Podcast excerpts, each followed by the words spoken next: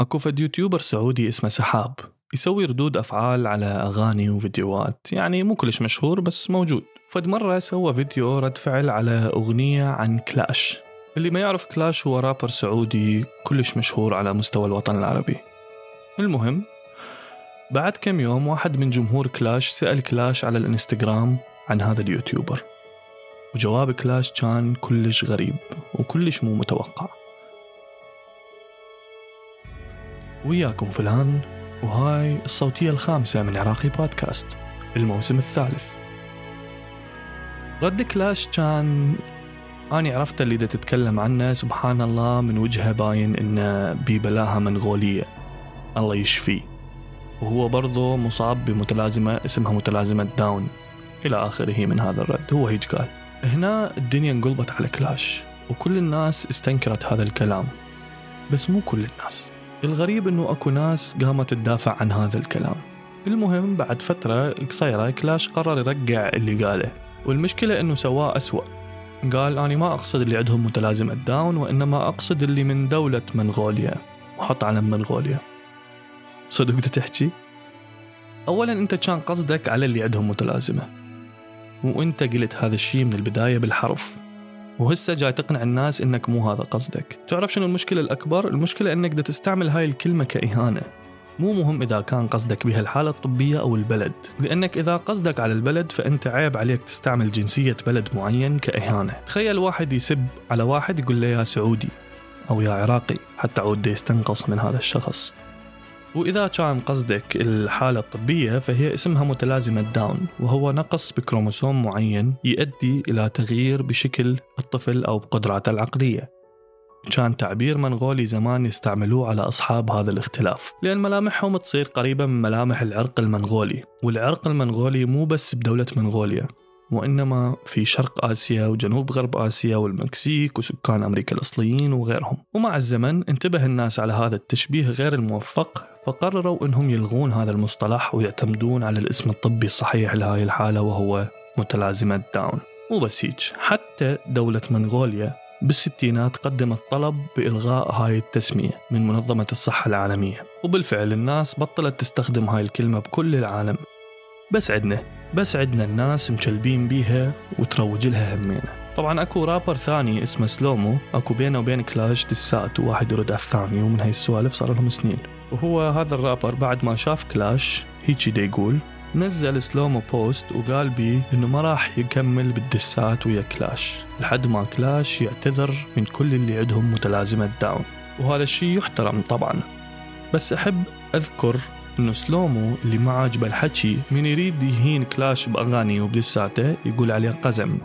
طبعا أتمنى من سلومو إنه يعتذر من كل الأشخاص اللي عندهم تقزم حول العالم قبل ما يطلب هذا الشيء من كلاش نفسه. المشكلة الأكبر أنه الناس اللي تحب كلاش أخذت الموضوع لغير مستوى. قاموا يطبون على البوستات مال اليوتيوبر ويحطون علم منغوليا بالتعليقات. يعني هذول شو تقول لهم بالله؟ حتى واحد كتب لهم بالتعليقات ما يصير هيك وعيب من هالسوالف؟ واحد إيش رد عليه؟ رد عليه قال له شكلك أنت هم منغولي فتدافع عنه. فأنت تخيل لأي حد وصل المستوى وش قد أكو جهل بالمجتمع؟ وش قد أكو ناس تابعة لأشخاص بدون تفكير؟ يعني هيك يفكرون يعني أنا احب كلاش اذا كلاش كل شيء يقوله صحيح مو مهم شنو دا يقول. مثل الحملة اللي سواها البشير على نشأة أكرم. على سالفة شركة برو واللي على أساس إنها صفقة فساد ومن هالأمور والشركة ما موجودة وبوقتها كل الناس على صور نشأة أكرم وكل الـ post ات اللي نزلها الناس تعلق له بكلمة برو كنوع من الحرب على الفساد. أنا أقدر هذا الشيء. بس إذا تروح تدور ورا الموضوع أكثر راح تعرف إن الموضوع مفبرك وشركة برو عندها تعاقدات بالخليج وبأوروبا وصدق الشركة موجودة وحقيقية وتعاقداتها صحيحة. المهم هذا مو موضوعنا. طبعا هواي منكم هسه يدور ببالهم سؤال وهو إحنا شعلينا بكل هالحكي. منو كلاش؟ منو سحاب؟ منو سلومو إحنا ما مهتمين لهاي القصة كلها. واني وياك. عندك حق تفكر بهاي الطريقة. بس خليني أشرح لك وين أريد أوصل بكل هاي السالفة. خليك وياي.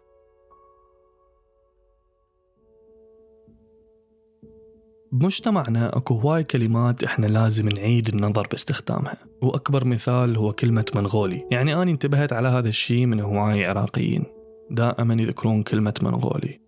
ومو بس على اللي عندهم متلازمة داون وإنما على كل شخص يكون عنده إعاقة جسدية وعقلية. لذلك لازم نبدأ نتخلى عن هذا المصطلح وهاي الطريقة من التعبير ونسمي الأشياء بمسمياتها. وإذا ما نعرف شنو الاسم العلمي للحالة اللي أنت تشوفها قدامك فالأفضل أنك ما تذكر شيء من الأساس. مو لأن ما تعرف شنو هي الحالة فتقول منغولي. ما حد طلب منك تشخص. لازم تفتهم كلش زين ماكو حالة اسمها منغولي أصلا. خلص شيلها من قاموسك. طبعا من تتمعن بلهجتنا راح تلقي هواي كلمات. لازم نشيلها من القاموس. هواي كلمات نقولها البعض للتعبير عن شكل هذا الشخص أو أصله بس بطريقة مهينة أو هدفها الإهانة.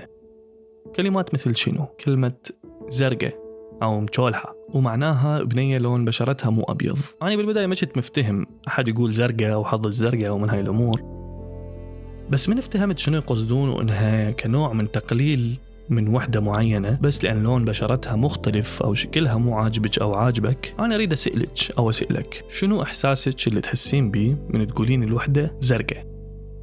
لا جديات يعني شنو الفكرة؟ هل أحد طلب رأيك بشكلها أو لون بشرتها حتى تتلفظين بهيج ألفاظ؟ لأن الصراحة التفسير الوحيد اللي يجي ببالي عن استخدامك لهاي الألفاظ هي عقدة النقص. ومن أقول عقدة النقص مو معناها هي أحسن منك بشيء بس أنت شلون شايفة روحك؟ وشلون تشوفين العالم اللي حواليك؟ وشلون تحسين الناس تشوفك؟ هو اللي يحدد شنو نوع النقص الموجود عندك أو عندك.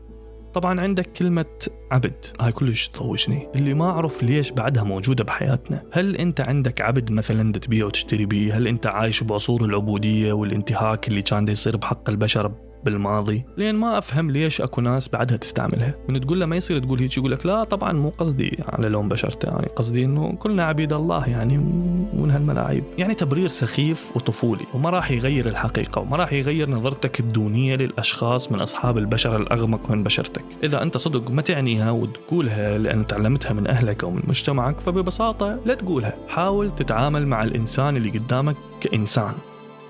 أو أقول لك اعتبره شفاف. انت ما تشوفه. لا تشوف شكله حتى تقول منغولي ولا تشوف لونه حتى تقول عبد أو مشولح ولا تشوف طوله حتى تقول طنطل أو قزم ولا تشوف جسمه حتى تقول مدعبل لو معصعص ولا تشوف خشمه حتى تقول أفنص لو خشمه كبير ولا ولا ولا ولا. خلي الإنسان اللي قدامك شفاف. أريدك هسه تسد عيونك. سدها. لا تشوف شيء وأريدك تتخيل شخص شفاف. تقدر تقدر تعرف أي شيء من مواصفاته الخارجية؟ ما تقدر مو؟ زين أريدك وأنت ساد عينك ودا تتخيل هذا الشخص الشفاف اللي ما تقدر تشوفه أريدك تتخيل إنه دا يكتب شيء أو دا يقول شيء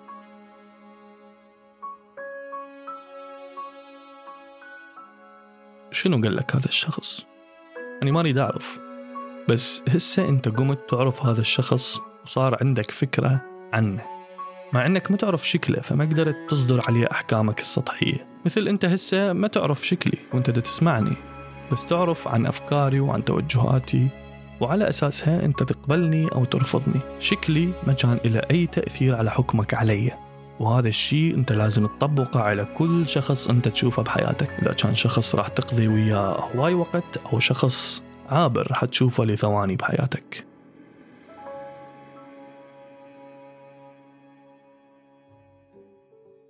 طبعا من تركز أكثر بلهجتنا راح تلاحظ أن لهجتنا بها حكي كلش حلو مثل عيوني أغاتي وردة فدوى قلبك ومن هالحكي الحلو أنك تسمعه وحلو أنك تقوله همين وبشهادة جمهور كأس الخليج اللي هسه كلهم بالعراق. بس عندنا أنواع هواية من الحكي اللي ما ينحكي.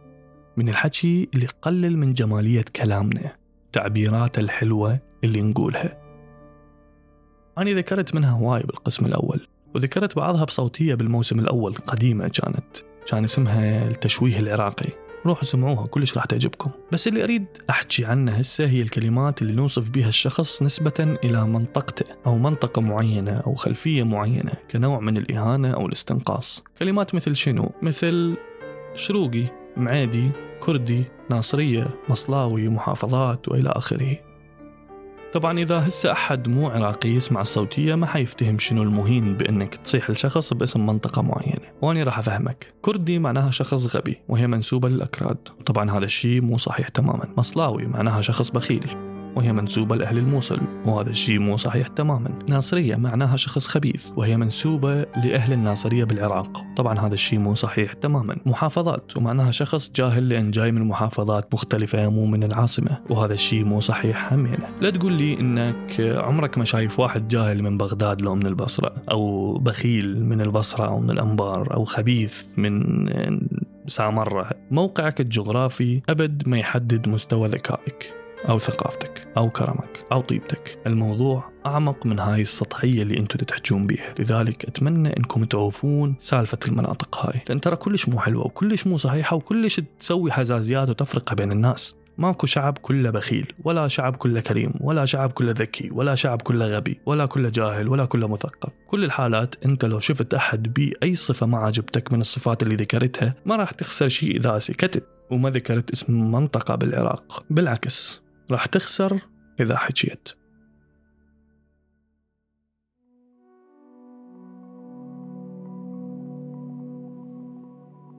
طبعا أكو منكم قالوا بعقلهم هاي شنو أنت ذكرت معيدي وشروقي بالبداية مال هذا الجزء بس ما ذكرت شيء عن هذا الموضوع. شوف صديقي أني وبحكم بعدي عن العراق فما أعرف معنى الحقيقي لكلمة شروقي ومعيدي وبسبب هذا الشيء فتت على جوجل وكتبت معنى كلمة شروقي وكلمة معيدي طبعا لقيت 90 معنى كل واحد يقول شكل. اللي يقول لك شروقي كلمة سومرية واللي يقول لك معدان كانوا يمثلون رئة العراق الثقافية واللي يقول لك شروقي اللي هو من شرق الفرات واللي يقول لك المعيدي اللي عايش بالأهوار ويربي جاموس وكلش هواي معاني ما تخلص. والصراحة معظمها معاني زينة وما بيها أي انتقاص من الإنسان. زين. شنو اللي يخلي الناس تعوف كل هاي المعاني الزينة؟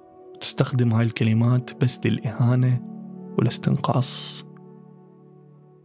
ما أعرف الصراحة بس متأكد أكو هواي ناس تعرف.